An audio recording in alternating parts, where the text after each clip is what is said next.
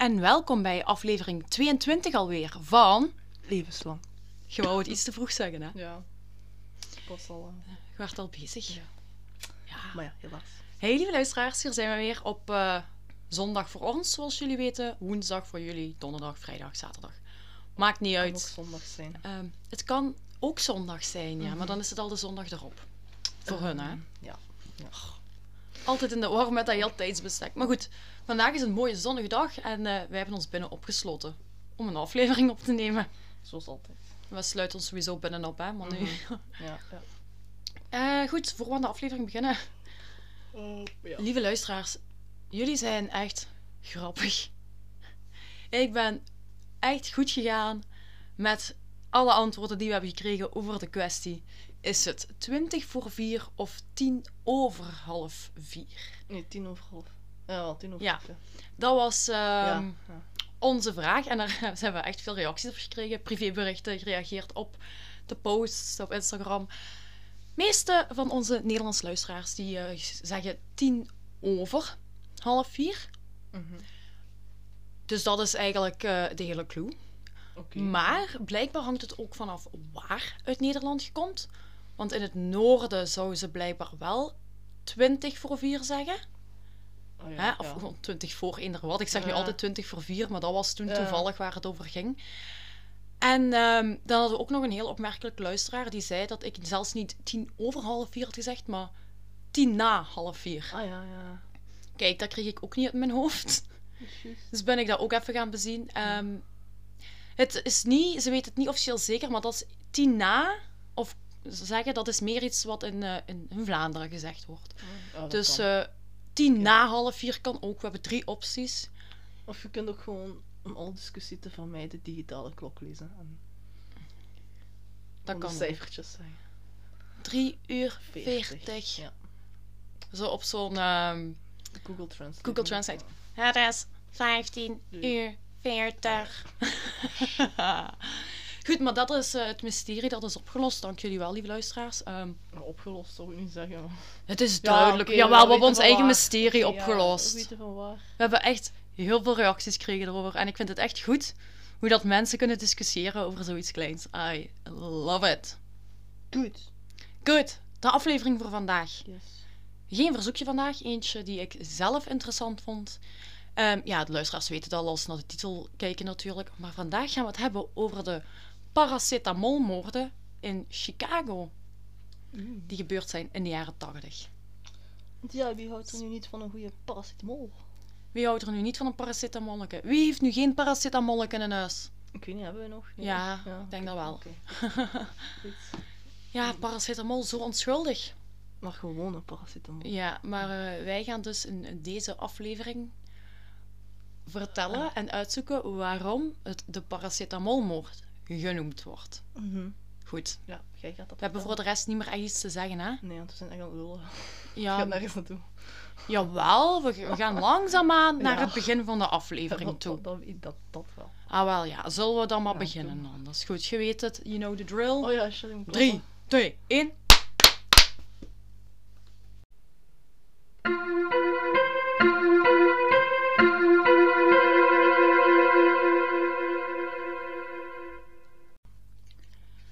Goed, voor deze aflevering ga ik het iets anders vertellen als normaal.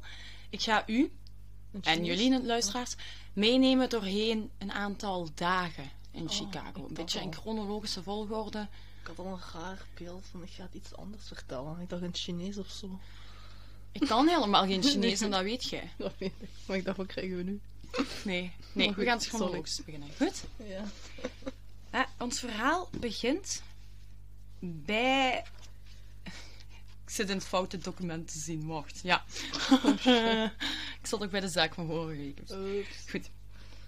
Ons verhaal begint bij een meisje genaamd Mary Kellerman.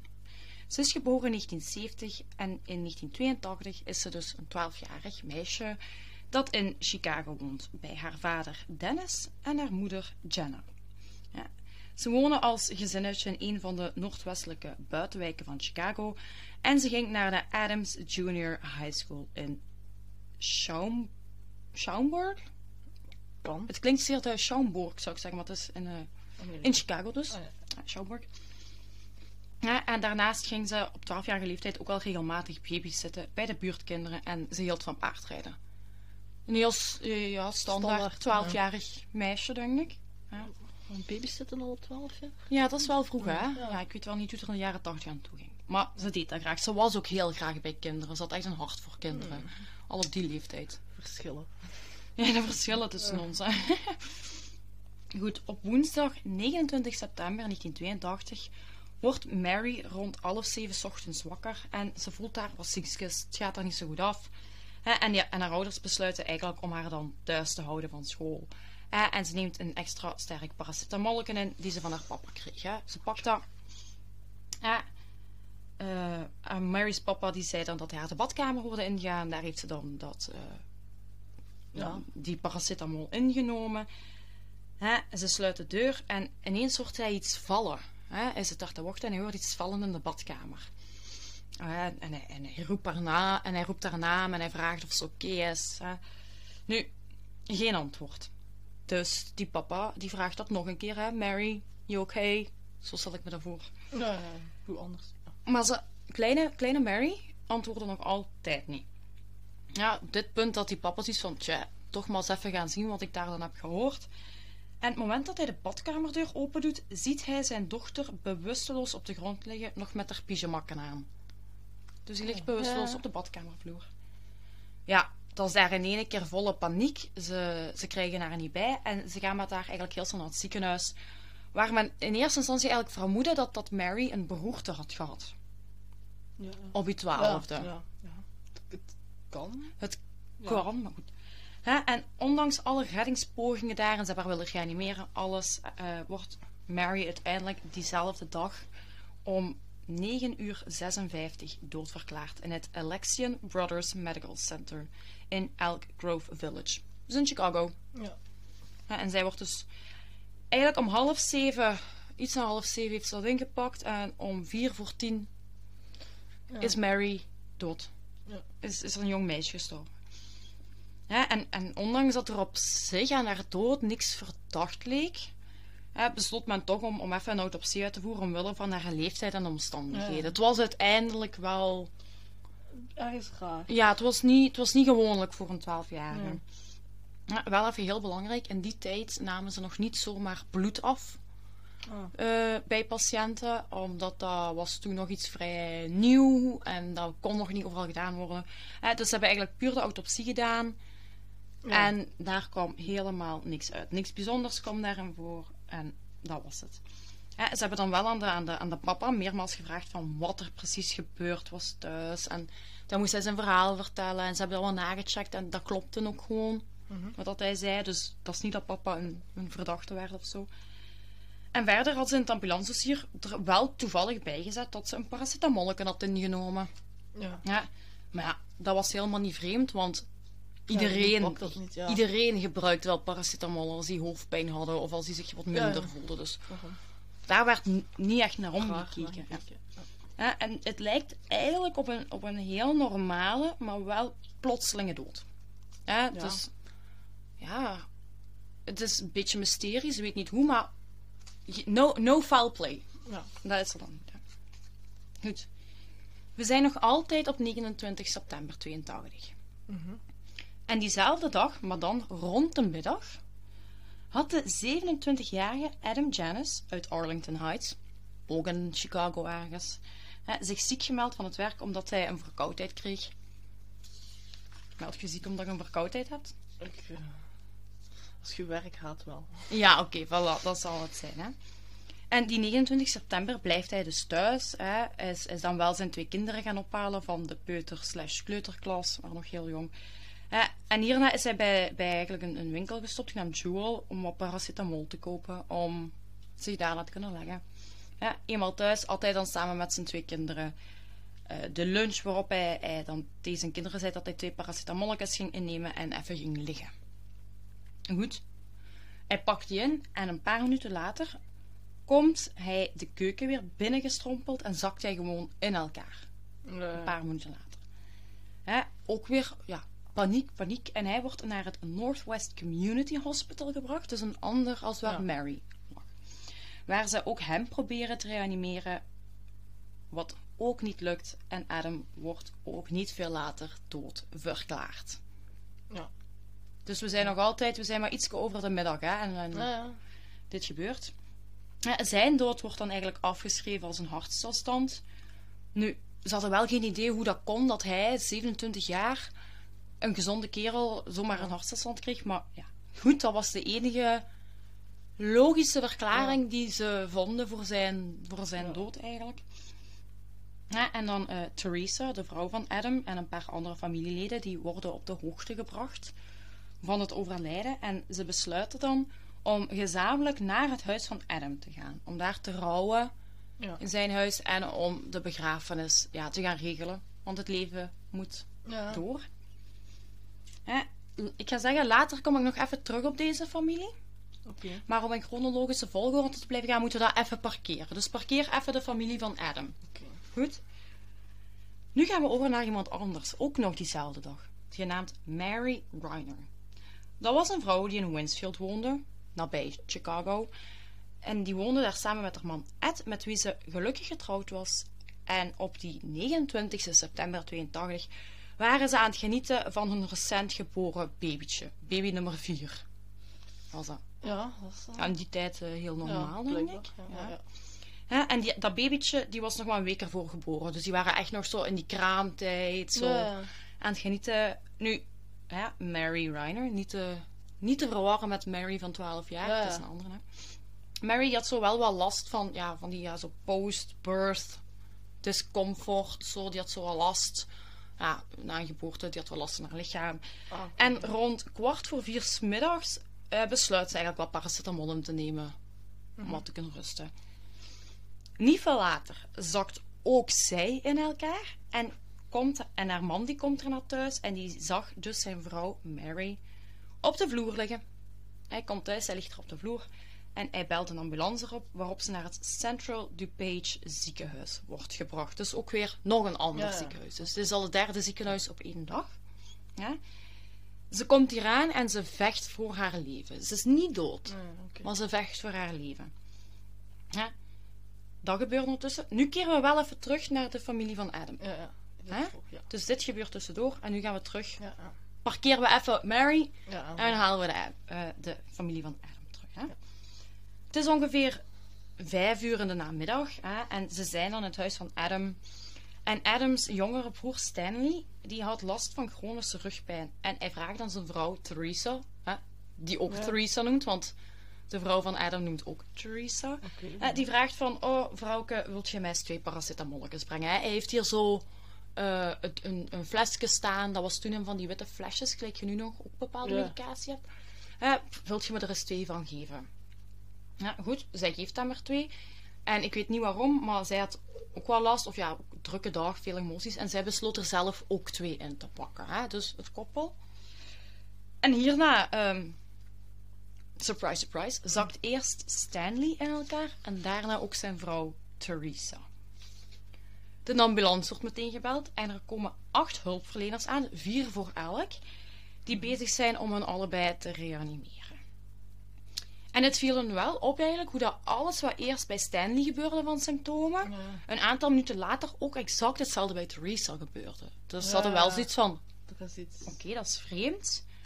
En dan rond half zes s'avonds, dus ongeveer een half uur ja. nadat ze de paracetamol hebben aangepakt, krijgt dokter Kim uit het ziekenhuis, waar dat Adam is overleden, Ja.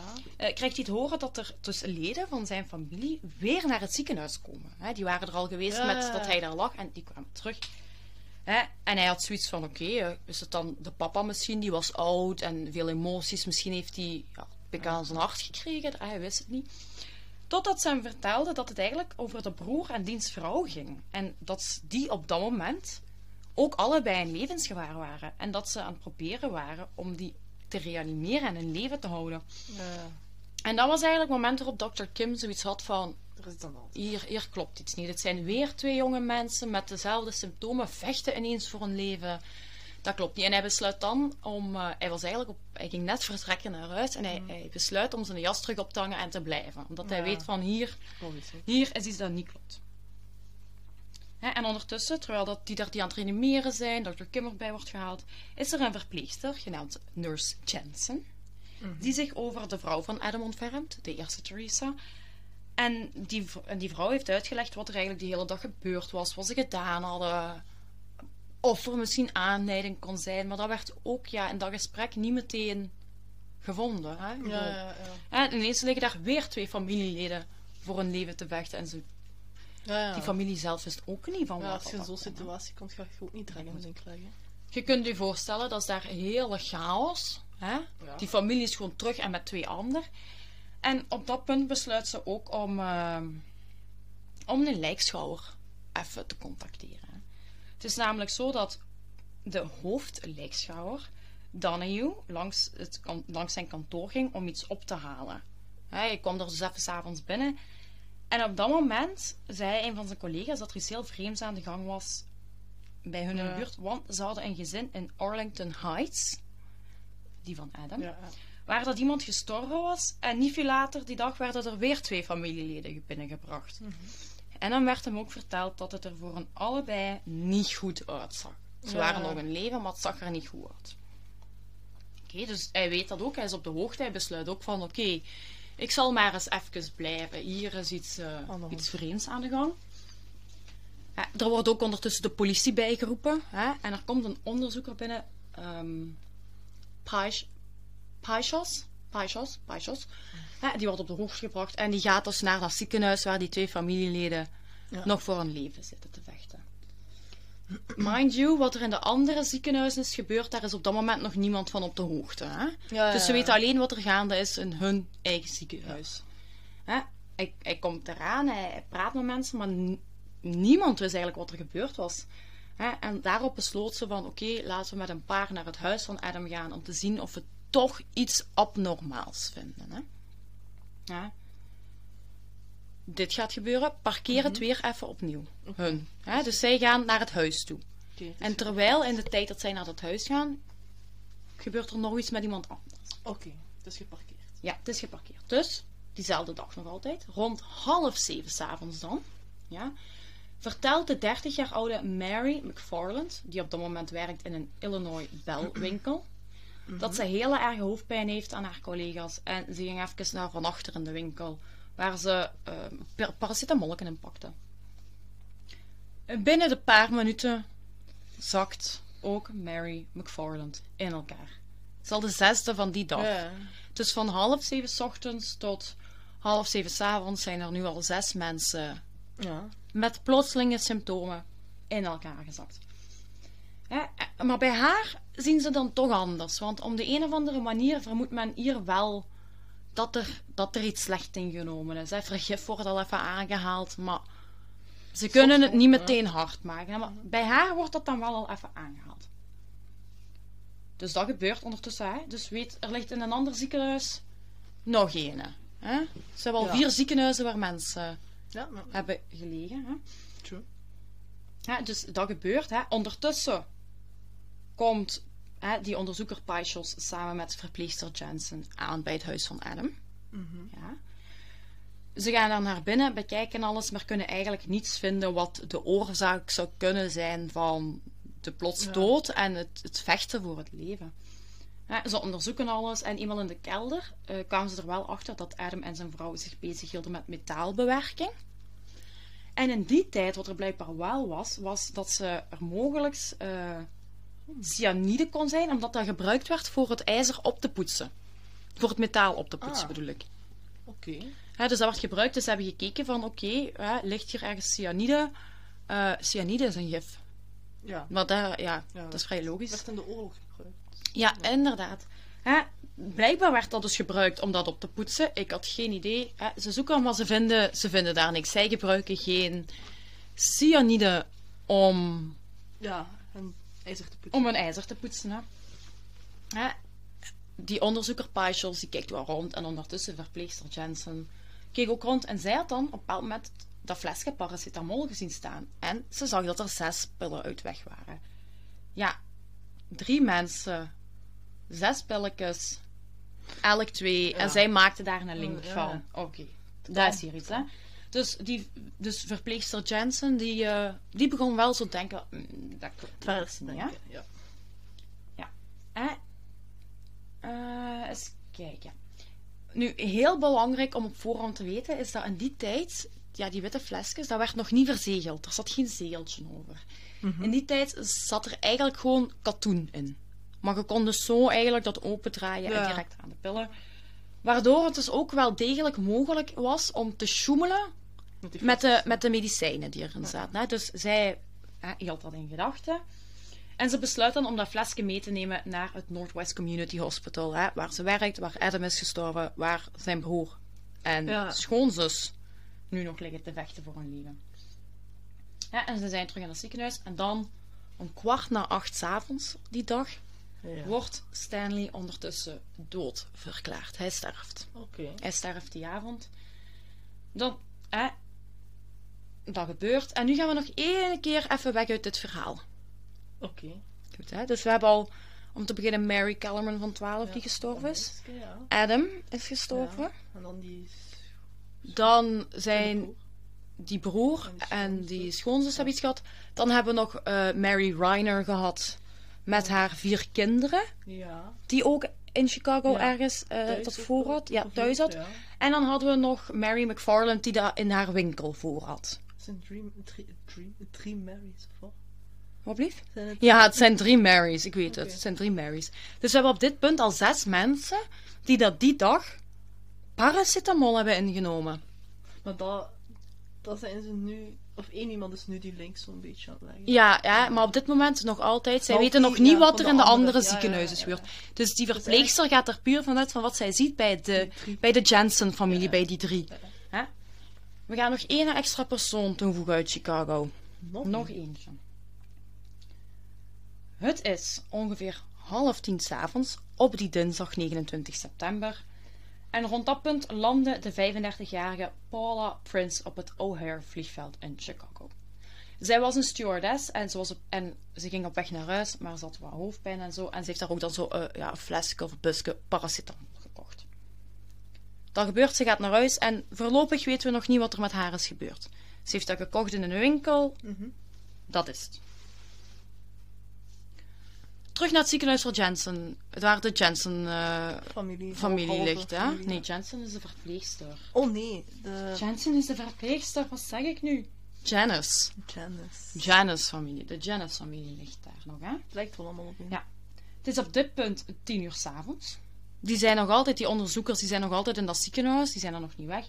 Hè? En onderzoeker Paischels, die ging samenzitten met een politieagent. Hè? Dus in dat Northwest Community Hospital. Waar men eigenlijk probeerde om alle bewijsdocumenten te bewaren. Maar wat ironisch was, want ze wisten eigenlijk niet eens of er bewijs was of niet. Ze hebben gewoon van alles Ja, verzameld in de hoop dat daar iets tussen zat. Maar ze wisten eigenlijk niet waar ze naar aan het zoeken Ja, waren. het is een stomme zat. Ja, hè, dat gebeurde. En die verpleegster, die komt daarbij. Hè, verpleegster Jensen. Die heeft dat flesje paracetamol. Hè, die gaat naar hem toe, zet dat neer en zegt... Dit is de reden van de doden. Hier, Mhm. de paracetamol. Ja, die politieagent en Paischels, die kijken zo eens op en die zeggen van... Jongen, kom maar, de paracetamol. Dat is niet mogelijk. Hè. Het is maar paracetamol. Kom aan, dat kan niet. Hè. Dus zij botst in eerste instantie op ongeloof. Die geloven haar Ja. niet. Hm. Ondertussen, dat, dat die een paracetamol, krijgt onderzoeker Paischels te horen over het gelijkaardige geval van die dag. Hij krijgt te horen wat er met de 12-jarige Mary Kellerman is gebeurd. Ah, ja. Dus dat is de eerste keer dat hij het nieuws krijgt dat er in een ander ziekenhuis in Chicago iets soortgelijks is gebeurd. Hè, en zoals ik al zei, hadden, hè, hadden die toch bij die Mary Kellerman in het ambulancedossier opgeschreven dat ze paracetamol in had genomen.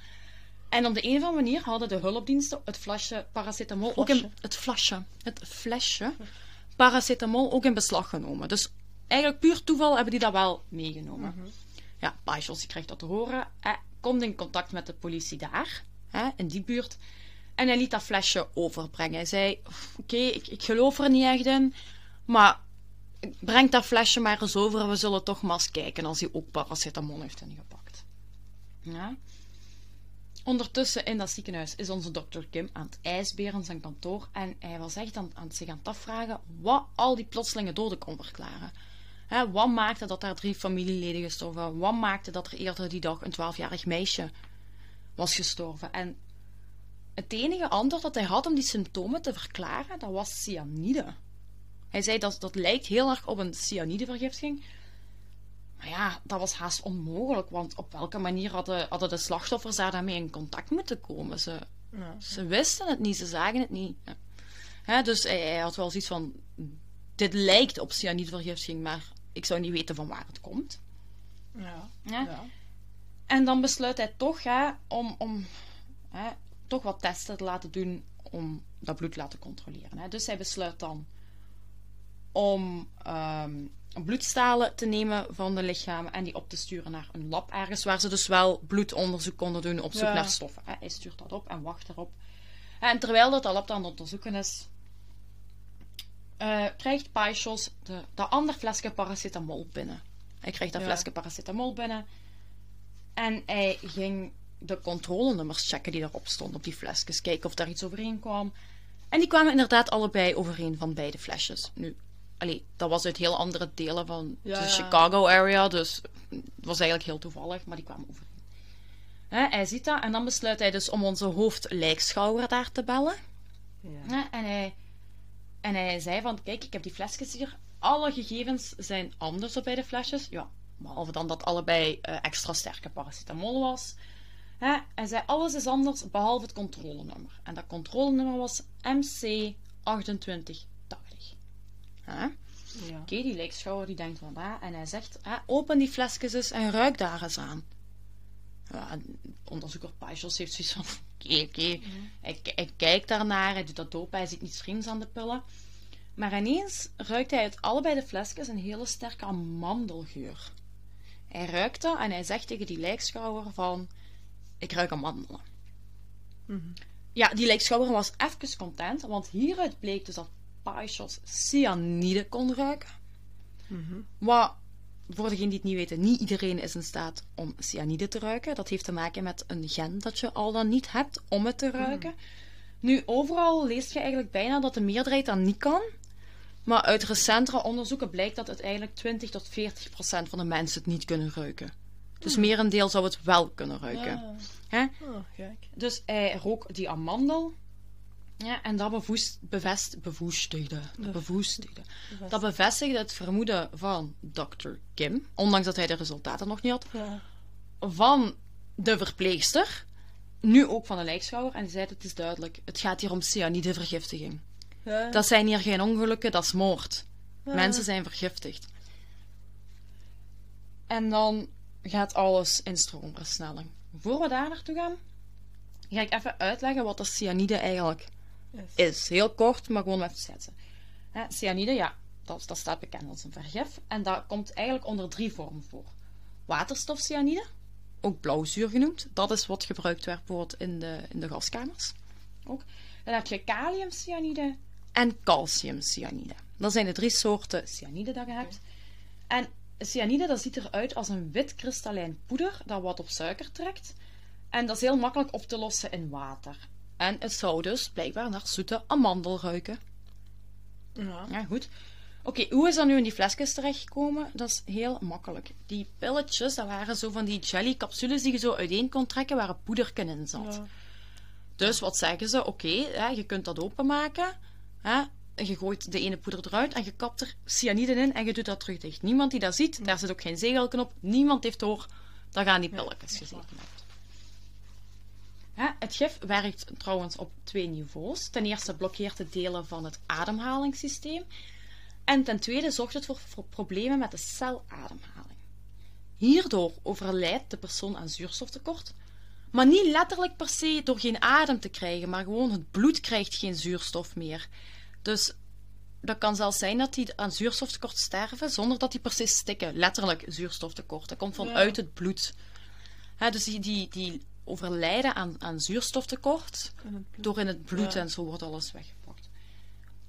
Ja, de, overlijn, over, de persoon overlijdt daar dus aan en binnen een paar minuten kan dat tot de dood leiden. Ja. Ja, dus dat gaat heel, heel snel. En meestal komt die dood door hersenschade dat men erop oploopt, of, of, of en een hartstilstand. Ja. Dus da- daaraan sterft men dan meestal, als gevolg van de cyanidevergiftiging. We gaan een dagje later, hè. we gaan naar 30 september, de dag erop. Hè, dus er is heel veel gebeurd Ja. op die 29 september. We gaan naar 1 uur s'nachts, dus eigenlijk nog maar juist 30 september. Ja. Rond 1 uur s'nachts krijgt Dr. Kim de labresultaten binnen. Mhm. Waaruit bleek dat ze, dat ze dus de, de drie mensen daar, tussen de 100 en 1000 keren dodelijke dosis cyanide hadden binnengekregen. Ja, want ik heb ook opgezocht, ehm, een dodelijke cyanide is nog minder dan een 1 cent stukje. Dus je hebt nog minder daarvan nodig in Ja. hoeveelheid dan dat een cent stukje groot is. Ja, als je daar zo wat poeier in zo'n pulke kapt, daar kan wel Ja, wat in, hè. Dus die hadden echt enorme hoeveelheden binnen. Vandaar ook dat die dus zo snel snel, ja. dood waren. En nog altijd die nacht is dan 3 uur 15 in de nacht. En op dat moment wordt Mary McFarland, die op haar werk ineengezakt was, doodverklaard. In het Good Mhm. Cemetery- Samaritan ziekenhuis in Downers Grove. Het is nog een ander ziekenhuis, hè, maar daar ja, wordt ja. zij doodverklaard. En om 9 uur 30 die ochtend wordt ook Mary Reiner, de moeder van de vier kinderen, doodverklaard in het Central DuPage ziekenhuis in Winfield. Dus op dit moment hebben we al vijf doden in vier verschillende ziekenhuizen in Chicago. Wow, zeg. Ja. De politie van Winfield, waar dus Mary Reiner is overleden, die wist op dat moment nog niet wat er met Mary gebeurd was. Hè? Buit- ja, buiten het feit dat ze dood was eigenlijk. Ja, ja. Klinkt zo cru, maar ja. Dus It is what it is. Ja. Ze komen hier ook eigenlijk pas achter wat met Mary gebeurt wanneer dat de andere onderzoeken van de andere ziekenhuizen aan het licht komen. Hè. Dan pas gaat voor hun alles op een plek vallen. Maar op dit punt nog niet. weten, zij, weten zij nog niks. En alleen die in dat ziekenhuis waar de drie mensen zijn eh, gestorven, zij weten wel al van de twaalfjarigen af. Hè. Dus daar is ja, wel al meer link. Maar de andere ziekenhuizen die zitten nog in het. Ja. Ja. Bij Pashos dus had ze ondertussen Johnson Johnson gecontacteerd. Zij waren namelijk degene die de paracetamol fabriceerden. En in Amerika werd het onder de stof Tylenol verkocht. Dus het zijn eigenlijk de Chicago Tylenol murders. Ja, maar- dat is paracetamol. Dat is eigenlijk het, staf, het, het, het stofje dat zal- paracetamol ja, ja. zit. Hè. Goed, hè, dus die, die contacteren die in de ochtend van... Hé, hey, eh, we hebben hier iets voor. Hè, komt eens af. Rond 10 uur die ochtend hè, kwam dan een advocaat van het bedrijf van Johnson Johnson aan bij de onderzoekers. En die liet hem onmiddellijk de labresultaten zien. En dus eh, dat ze cyanide hadden gevonden daarin. En die advocaat van Johnson Johnson die begreep ook dat dat niet zomaar geheim kon worden gehouden, aangezien ja, iedereen had paracetamol in huis. Dus er waren, wie weet hoeveel mogelijke slachtoffers er waren. Hè? Ja, dus die van Johnson Johnson waren daar minder happig op eigenlijk om dat uit te brengen. Maar de onderzoekers waren op dit punt al heel zeker dat dit de enigste connectie was tussen al de doden. Dat het alleen dat kon zijn. En uiteindelijk zei de CEO van Johnson Johnson dat, is, dat hij zelf eigenlijk ook geen betere manier wist dan het nieuws gewoon maar de wereld in te sturen. Ja. Ja, ze konden, ze konden niet nog meer slachtoffers nee, nee, inderdaad. Eigenlijk eh, ja, riskeren. Iets na tien vond er dan een persconferentie plaats waarin dat men dus vertelde aan het grote publiek dat er cyanide was aangetroffen in paracetamol. En als advies gaven ze eigenlijk, eh, ze zeiden het is best dat je ze, niet meer, dat je ze een tijdje niet meer pakt, dat we alles hebben uitgeklaard. Maar je moet de medicatie niet komen inleveren. Je mocht hem wel houden, maar pak die gewoon even niet, alsjeblieft. Even goed teruggeven. Hè. Ja, Een daar. beetje raar, maar... Ja, ja, en dat vond de bevolking ook. Die had zoiets van, eh, dat is onverantwoord. En Ja. dan rond drie uur die middag, dus een aantal uur later, onder lichte druk, om het zo te zeggen, verklaart Johnson Johnson dat ze alle paracetamolflesjes met het controlenummer MC2880 terugriepen uit de schappen. Dus uit alle schappen van Chicago, hè, dus van Ja, Chicago. ja. Ja. Gedurende de dag worden er lijkschouwers gebeld. Hè. Lijkschouwers krijgen heel veel telefoon van mensen die dus mega ongerust waren omdat ze paracetamol hadden ingepakt. Hè. Dus daar werd eigenlijk heel veel paniek gezaaid. En ineens kregen die, kregen die, die lijkschouwers en al die onderzoekers eh, telefoon van mensen van ik heb paracetamol ingepakt. Ga Ja. ik dood? Ja, ja, Maar ik vond wel dat, die, eh, dat onze lijkschouwer daar een heel goed antwoord op had. Hij zei namelijk, en ik quote... Als je het gepakt hebt en nu nog in staat bent om te bellen, ben je veilig. Ja, ja. Maar pak er geen extra meer, alstublieft. Nee. Ja, dus Ja. eh, gelukkig heel veel, heel veel flesjes waar geen Ja. cyanide in gevonden was. En tegen 8 uur s'avonds die dag zijn ze eigenlijk op de hoogte van alle doden in de andere ziekenhuizen. Dus op dat moment komt alles samen. En ze merken dan ook dat het eigenlijk allemaal inderdaad in de, in de, in de buurt van Chicago allemaal gebeurde. Hè? Ja. Hè, men wist ook niet goed, maar hè, dat was er. En ze vonden het allemaal heel erg vreemd. En eenmaal dat dus dit ook allemaal ter sprake kwam, al die slachtoffers kwamen, op dit moment zijn het dus al v- vijf doden, hè, dus dat komt al ter sprake, hè, had zoiets van, dit zijn geen ongelukken, we hebben hier effectief met moord te praten, er is iemand verantwoordelijk voor. De dag erop, we gaan naar 1 oktober, twee dagen sinds eh, de vergiftigingen. Eh, men begint eigenlijk op dat punt meer en meer instanties erbij te betrekken. Het schrik dat het misschien niet alleen de Chicago-buurt was dat geteisterd zou worden. Hè. Men, men kwam eigenlijk een dag later in de actie van: oh, wat als het nog elders in het land voorkomt. Hè. Dat gebeurt, ze beginnen dat uit te zoeken, ze gaan kijken. En diezelfde dag, die 1 oktober, om kwart na elf, halen ze de vrouw van Stanley, hè, de schoonzus van. Adam, Theresa, die op dat moment al twee dagen in het ziekenhuis voor haar leven lag te vechten, van de life support. En ze Oh ja, sterft. Slachtoffer, dodelijk slachtoffer Zes. nummer 6. Ja. Diezelfde dag, als klap op de vuurpijl, wordt ook nog het levenloze lichaam van Paula Prince gevonden in haar Oh appartement.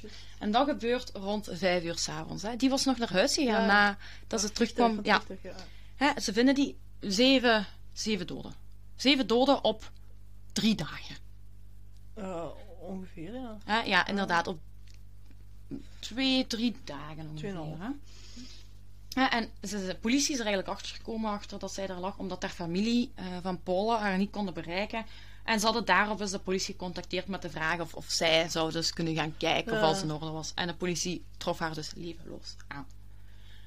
Wat heel duidelijk was, dat er nog een open flesje paracetamol bij haar in de kamer stond. En men concludeerde dan ook dat ze het in de badkamer had ingenomen. Dat kon men dan herleiden. Stond waarschijnlijk in de badkamer.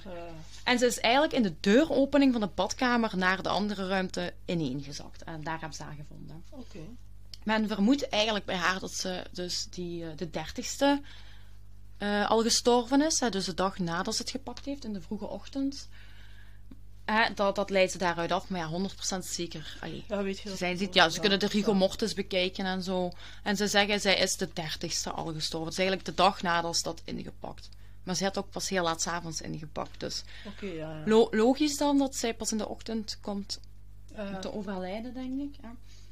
ja, daar komen ze achter. En rond 8 uur s'avonds wordt dan toch eens eindelijk de burgemeester van Chicago op de hoogte gebracht, genaamd Jane Byrne. En ze vertellen de- over de vondst van het lichaam van Paula en de paracetamol, waar ook uiteindelijk cyanide in bleek te zitten. Dus dat werd meteen gecheckt. ja. En die burgemeester wordt dan toch eens op de hoogte gebracht.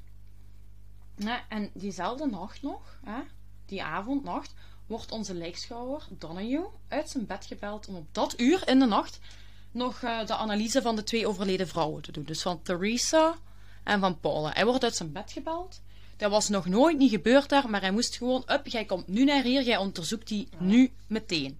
Want ze zaten met een geweldig groot ja. gevaar. Eigenlijk, hè.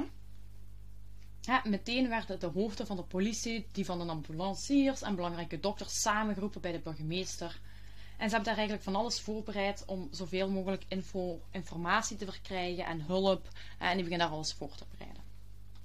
Om 11 uur s'avonds, die dag op 1 oktober, 11 uur s'avonds, geeft de burgemeester nog een persverklaring waarin ze vertelt dat het lichaam van Paula gevonden was en dat men alle paracetamol in Chicago uit de rekken ging halen. Dus nu niet alleen met dat Ja. specifieke controlenummer, maar gewoon Alles.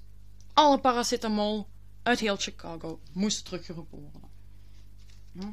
Als je dan kijkt hoe dat die, die onderzoeken een beetje verlopen, dan zie je dat ze de eerste dagen eigenlijk vooral gefocust hadden op het beschermen van de bevolking. Hè? Want Ja. ze wisten niet hoe verder ging. Waarbij Johnson Johnson daarna een herroepingsactie begint van ongeveer 31 miljoen flesjes van over het hele land. Dus dit wordt eigenlijk een, een landelijke kwestie. Hè? Ze zeggen, we kunnen het risico niet nemen. Ja, uit 31 staten hebben ze allemaal paracetamol teruggeroepen. Maar 31 staat. Ja, uit 31 Het staten. zijn er meer. hè? Er Het zijn er meer, ja. 55 of Het, 51? ik weet niet hoeveel, maar het zijn er 50, meer. 51 Maar goed, ik had dan ergens gevonden hè, dat ze uit 31 staten flesjes hebben teruggeroepen. Hè. Dus daar houden ze zich in de eerste dagen mee bezig, zien dat ze dat allemaal krijgen, dat er niet nog meer slachtoffers kunnen vallen. En ja, het onderzoeksteam groeit de dagen daarop, waardoor ze op den duur ook wel meer tijd hebben om, om, om zich te focussen op het vinden van een, ja, een dader. Wie, wie heeft op zijn geweten? Dat wist niemand. Ja. Men is dan eerst eens gaan onderzoeken of dat er misschien een probleem was in de fabrieken van Johnson Johnson zelf. Dat er een intruder was. Of daar iets was. Maar ze ontdekten eigenlijk dat de, de flesjes waar dat cyanide was gevonden uit twee verschillende eh, fabrieken kwamen, namelijk uit Pennsylvania en Texas. Wat dus eigenlijk voor hen dan betekende dat het gif ingebracht was nadat Ja, dat de medicatie Ja. in de rekken stond. Ja. Bij de apotheek of daar is dat ook in een Walmart en zo kunnen dat kopen. Ja, Dus ze hebben zoiets van, oké, het is niet in de de fab- fabrieken gebeurd, want anders dan had het uit één fabriek moeten komen en niet uit meerdere, want tenzij Ja. dat er een gigas conspiracy is, maar goed. Ze zeggen, oké, iemand of meerdere hebben dat gedaan nadat die pillen in de winkel zijn gekomen. Daar gaan ze vanuit. Hè, de politie concludeerde daar dan op dat de flesjes inderdaad gekocht waren door de dader of daders. Waarna die thuis eh, dus die pilletjes hebben opengebroken, dat poeier er hebben uitgedaan, gevuld hebben met cyanide, hè, dat dicht hebben gemaakt, allemaal terug zo in dat potteke, potteke dicht, terug in de rekken. Dat, dat is eigenlijk wat ze vermoeden dat er gebeurd is. En het wordt op dit punt een grote nationale zaak, dat overal in de kranten stond en overal op tv werd getoond. Ja, ik heb ook krantenartikels gevonden. De ene na de andere. Op tv ging het over niks anders dan Ja. over de paracetamolmoorden. En daar was landelijke paniek, want ook iedereen pakte paracetamol als ze zich niet goed voelden. Dat is nu nog altijd aan een dafalgan of zo. Ibuprofen. Of ibuprofen, dat kan ook. Maar goed, jij hebt hier even over de paracetamol. Hè? Goed. Goed. Eens zien. Hè. Door de belangstelling die dat dus kwam doordat het wereldwijd nieuws werd, kreeg de politie ook heel erg veel tips van individuen binnen. Die jammer genoeg eigenlijk niet altijd bruikbaar waren. En dat ging eigenlijk voor weken door. Die kregen keiveel tips. Maar ook zo mensen die dan belden: Ik heb het gedaan. Ha ha ha ha ha. Weet je, van die van die trolls, Ja. alles. Hè? Dus ja, daar komt eigenlijk niet veel uit. En als je dan gaat kijken, hebben ze doorheen eigenlijk de zoektocht wel meerdere verdachten op het oog gehad. Op 6 oktober, dus eigenlijk eh, 29 september, hebben die allemaal de paracetamol ingenomen. En op 6 oktober komt er een afpersingsbrief binnen bij Johnson Johnson in Chicago. En daar staat in dat er 1 miljoen dollar geëist wordt om de paracetamolmoorden te doen stoppen. Met dan een rekeningnummer bij. Ja, stom eigenlijk. hè. Ja. Goed. Eh, de politie eh, krijgt die brief en ze komen er eigenlijk vrij snel achter dat dat geschreven is door ene James Lewis, een 36-jarige man uit New York City. Eh, het heeft dan nog even geduurd, want in oktober krijgen ze hem op het oog en in december kunnen ze hem dan oppakken. Dan binden ze hem. Ze pakken hem op en hij wordt ook veroordeeld voor afpersing en hij kreeg 20 jaar gevangenisstraf. Martin. 20 jaar. Nu moet ik zeggen, ik vond een bronnen of 10 jaar of 20 jaar, maar ik geloof toch echt wel de nieuwsbladen van Chicago die ik heb Ja, bekeken. ja, ja. Ik ga ervan uit, dus hij krijgt 20 jaar voor afpersing. Maar alleen voor afpersing, hè, want ze konden hem, Ah, niet, ze konden hem niet direct linken Aan de, a- aan de cyanide, maar ze konden hem wel veroordelen voor het feit dat hij dat bedrijf had af willen persen. Dus daarvoor wordt hij veroordeeld. Niet voor de cyanide. Ze willen dat wel onderzoeken. Ze, ze zijn ja. er dan mee bezig. Maar hij ontkent. En dan na 13 jaar, als ik goed heb geteld, in 95, Mhm. wordt die Lewis vrijgelaten. En hij claimt eigenlijk onmiddellijk dat hij die brief wel geschreven had, maar dat hij niks met de moorden te maken had. Hij had dat ook zo verteld op zijn proces. Hè? En hij herhaalde dat weer. Hij zei dat het eigenlijk dus zijn bedoeling was om de baas van zijn vrouw te framen. En hij zei, hij wou dat doen omdat die baas ze, haar, haar dan al een tijd geen loon had gegeven. En op die manier wou hij wraak nemen. Hij zei dan ook, ja, maar dat rekeningnummer daarop, dat is wel het rekeningnummer van de baas van mevrouw, dat is niet van mij. Hm. Ik heb niet gevonden of dat waar is of Ja. niet, daar heb ik niks van gevonden, maar hij claimde dat. En hij is altijd blijven uitroepen dat hij dat niet gedaan had. Ja, ook nadat hij 13 jaar later de cel uitkwam, Ja, ja. en je zag dan in het grote publiek, maar ook bij de onderzoekers zelf, twee kampen. Je had de mensen die in zijn onschuld geloofden. Ja, omwille van het feit dat hij nooit fysiek aan de moorden gelinkt kon worden. Hij kon alleen gelinkt worden aan die afpersing, maar ze hebben hem nergens kunnen plaatsen in het verhaal met de cyanide. Hè. En als je dan kijkt naar het, het, het brede publiek en ook naar de, naar de onderzoekers, dan zie je dat ze eigenlijk in twee kampen zijn verdeeld. Ja. Er zijn mensen die geloven dat hij effectief onschuldig was, omdat ze hem nooit fysiek hebben kunnen linken aan de cyanide. Ze hebben alleen hem kunnen linken aan de afpersing. Hè. En hè, er was ook een onderzoeker die zei van eh, hij was een opportunist. Hij deed iets wanneer het hem goed uitkwam. En als hij effectief zijn baas wou framen, dan was dit iets wat gewoon toevallig heel goed uitkwam om hem heel veel schade te berokkenen. Hè, dus er zijn, was- er zijn er die dat zeggen van hij, hij- hij was een opportunist. Oké, hij had wel in het verleden al zo wat, wat, wat mis, misdrijfjes Ja, begaan, maar wel- dat vonden ze nu... Ja, er zijn onderzoekers die zeiden van, kom ja, nee, zover... allee, dat deed hem niet. Aan de andere kant zijn er ook onderzoekers en, ja, van het republiek die heilig in zijn schuld geloven. Ja, en die zeggen van, jawel, hij heeft dat wel gedaan, hij heeft al meerdere misdrijfjes begaan, eh, dit zou hij ook doen, hij heeft het zelf gedaan en niemand anders. Hoe dan ook, en ik spoil, is het nooit duidelijk geworden of dat hij effectief de dader was of niet. Dat is nooit, nooit duidelijk geworden. Verder had men dan ook op den duur nog een man genaamd Roger Arnold onderzocht, die in 83, dus ehm, een jaar na, na, Ja. de, na de cyanidemoorden, dat, die had hij moord gepleegd, maar hij was al snel eh, vrijgesproken, omdat ze konden al snel vinden dat hij er niks mee te maken had. Hè. Dus hij... En dan als laatste had ze ook nog in 88 Laurie Den op het oog. En dat was een vrouw die dat dus in 88 meerdere mensen had vergiftigd in Illinois, hè, dus waar Chicago Ja. ook ligt. Maar ook dit, hier was geen bewijs van. En uiteindelijk wist men het allemaal niet zo goed. Hè? Want oké, Lewis zat, die zat op dat moment vast natuurlijk, terwijl ze onderzoeken deden. Maar niemand, niemand kon echt gelinkt worden Ja. aan de vergiftingen.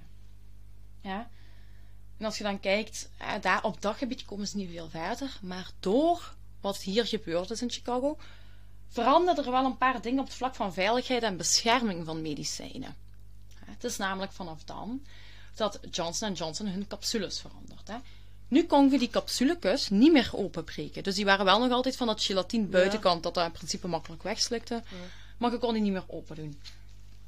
Wat maakte dus dat je die poeier niet meer kon veranderen. En vanaf nu werden ook de doosjes verzegeld met een zegeltje, zodat men eigenlijk onmogelijk aan die pillen kon zonder dat dat zichtbaar was. Want dan moet je dat zegeltje kapot Ja, ja. maken. En je krijgt dat daar nooit terug opgelekt eraf gaat. Dat gaat niet. Ja, dus dat werd gedaan. En dat ziet je nu ook. Hè. Alles is verzegeld. Hè. Ja, Je komt niet zomaar aan die medicijnen. ja, nee, dat zit dan zo'n ding wat je zo... Ja, en zelfs... Ja. Ja, aluminiumfolie erop zit. ja of, Ja. of ook zo die... eh, als je nu gewoon zo strips hebt, die zitten ook allemaal apart. Hè. Je kunt daar ook Of niet mee is sjoemelen. Hè. zo'n- zo'n met zo'n dop, hè. Ja. Dan mocht je zo kraken dan. ja, dat is heel vaak zo'n zo, zo'n kinderslot of iets Ja, dat erop zit. maar dat zijn die flesjes. Hè. Ja. En dan... Ja, die zijn allemaal verzegeld. Maar voordat dat was gebeurd, was dat niet verzegeld. ja, welke koekoek ging zo Ja, die Ja. dachten dat, ja, inderdaad, welke koek zou dat nu doen? Hè? Hè, hierna werd dan ook het besmetten van medicijnen of niet, lees gif toevoegen, Ah. een straf op zichzelf in Amerika, waarin men veroordeeld kon worden. Hè? En dit Ja. is naderhand ook gebeurd bij een copycat, die dus eh, Ah, je probeert ja. hetzelfde te doen. En hij werd dus op basis van eh, het besmetten van, van de medicijnen veroordeeld tot 90 jaar gevangenisstraf. Dus er werd wel niet meegelachen. Ja, nee. Ja, en als je dan kijkt, initieel was dat ook een heel zware financiële klap voor, voor Johnson Johnson. Ja, hè? Die moesten 31 miljoenen, 31 miljoen flesjes, ja. flesjes hebben die teruggeroepen. En pak dat dat hoeveel kost, ja. Ja, dus Ja, die, die heel zwaar verlies. Maar omdat die eigenlijk vrij snel die veranderingen hebben doorgevoerd en dan de veiligheid op opgevoerd, bleven mensen wel vertrouwen. Hè? Er werd gezegd dat, dat dat van hun eigenlijk de perfecte respons was voor een bedrijf waar dat eigenlijk een soort rampen aan gebeurde. Ja, hè? ja. En, en doordat zij daar zo snel op gereageerd hebben als bedrijf, werd dat goed ontvangen en hebben die niet echt lang daaronder geleden. Nee. Binnen de kortste tijd waren die daar terug Ja, tuurlijk. bovenop en verkochten die nog meer. Die doen echt heel veel. Ja, Johnson Johnson. Ook zo poetsproducten voor de badkamer heb ik ooit eens gezien. Oh, echt? Dat weet ik Ja, niet. ja, ja, zo wc-middel, dacht ik. Ik weet wel dat ze Ja. een eh, coronavaccin hadden. Ja, ja, dat ook. Maar heel veel. Ja, het is een, het is een, het is een heel, een heel, heel, breed. Heel ja. breed gaat. Goed, dat gebeurt, dus op zich is dat wel goed. Hè? Medicatie wordt sneller, wordt beter beschermd. Hè? Johnson Johnson leidt er niet onder. Maar jammer genoeg waren er de eerstvolgende jaren wel meerdere copycats gemeld doorheen het land. Hè? Ja, ja. Dus dat gebeurde, die hebben ze eigenlijk ook wel eh, stevast kunnen oppakken. Maar de, degene die de originele moorden op zijn geweten heeft, dat is officieel nog altijd onopgelost. En we weten allemaal wat er gebeurt als een zaak onopgelost blijft. Dan komen daar theorieën. Conspiracy theories. Die deden wat de ronde. En dat ging dan bijvoorbeeld over dat het iemand was die een vijand was van de Verenigde Staten, die dus een aanval wou uitvoeren op de bevolking. Lol. Oké. Just kidding, just kidding. Goed, hè, dus dat dacht ze. Misschien was het iemand, een, een, een persoon die dat iemand persoonlijk wou afrekenen. Maar omdat dat dan zo hard zou opvallen, besloot hij dan maar meerdere flesjes te contamineren. Dat is, dat is nog een theorie dat er ronde gaat. hè? ja. En dan gaat er ook nog een theorie rond dat het een, een terroristische aanval zou zijn geweest. Maar eigenlijk, geen enkele theorie is vandaag de dag hard gemaakt. Hè? Dus dat blijven theorieën. Ja, eh, Ja. Als je dan kijkt naar, eh, ja, hier, hier, hier stopt het verhaal eigenlijk deels, hè, dus ze vinden ze niet. En als je dan kijkt naar vandaag de dag, en dan zagen ze dat in januari 2009, hebben ze het onderzoek heropend. En heeft men alles nog eens bekeken, waarbij ze eigenlijk weer bij, bij Lewis toch terechtkwamen, hè, die ondertussen ook al wel bijna vrij was. 15 jaar terug vrij was. Hè. Ze zijn bij hem binnengegaan en ze hebben daar eh, rondgekeken en bepaalde spullen in beslag genomen. Hè, hierbij werd ook gezegd dat ze misschien wel iets hadden gevonden wat interessant was. Maar hier is niks meer verder van gekomen. Dus waarschijnlijk Ja, helemaal ik bedoel, niet na dan. zoveel jaar, wat gaat je nog terugvinden? Ja, bedoel, die dude is al 15 jaar uit gevangen. Ja, Denk je niet dat hij eens even gaat denken, oh, zal ik eens wat opruimen? Ja. hallo. klopt. Hè. Hè, dus dat werd in beslag genomen. Er werd gezegd, we hebben iets interessants gevonden. Nothing happened after that. En als je dan kijkt eh, naar 2011, dan zien we dat op 19 mei 2011 de FBI DNA-stalen verzocht had van Ted Kaczynski, de Unabomber. Ah, ja, ja. ik- Hè, om te zien of dat er misschien met hem een link kon zijn met de paracetamolmoorden. Daar hebben ze in 2011 ook aan gedacht. Hè, nu heeft Ted Kaczynski zelf altijd ontkend dat hij ooit cyanide gebruikt heeft Hij of was heeft meer gehad. een bommenmaker. Ja, niet, gebruikte eh, geen nee. cyanide. En uiteindelijk hebben ze bij hem ook niks gevonden. Niks kon hem linken aan cyanide. Nee, want die leeft ook zo heel afgelegen. Ja, en Ja, had alleen maar eh, zo... voor de luisteraars die niet weten wie dat is, je hebt op Netflix een documentaire. En die noemt de Unabomber. Ja, Kijk het gewoon. Dus het is ook een heel interessant verhaal. En waarschijnlijk hebben ze het al gezien. Het staat er al lang op. Nieuwe poll. Laat ons eens allemaal weten wie van jullie heeft de Unabomber al gezien. Let us know. Ja. Alsjeblieft. Heel veel. Dat we volgende keer weer even op iets kunnen terugkomen. En goed, hij kon daar dus niet aan gelinkt worden. Dus hoewel dat een heel interessante piste had geweest, was het niet waar. Ja, nee.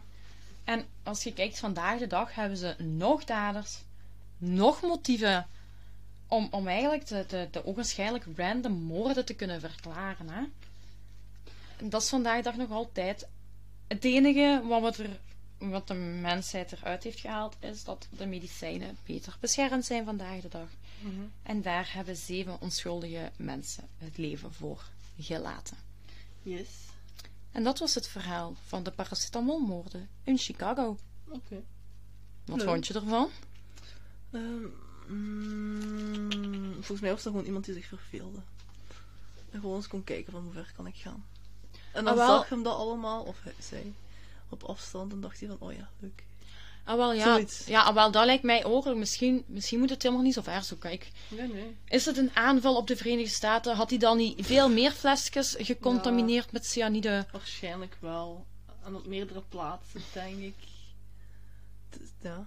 Ja, en dan met die Lewis. Ja, hij kan het gedaan hebben, het kan ook niet. Het kan even goed zijn dat dat gewoon een was die de baas van zijn vrouw is een loef wou draaien. En Dat is gewoon wrong timing. ja, ik denk, ik denk eigenlijk... Mijn gevoel zegt hem dat hij het niet is. Nee.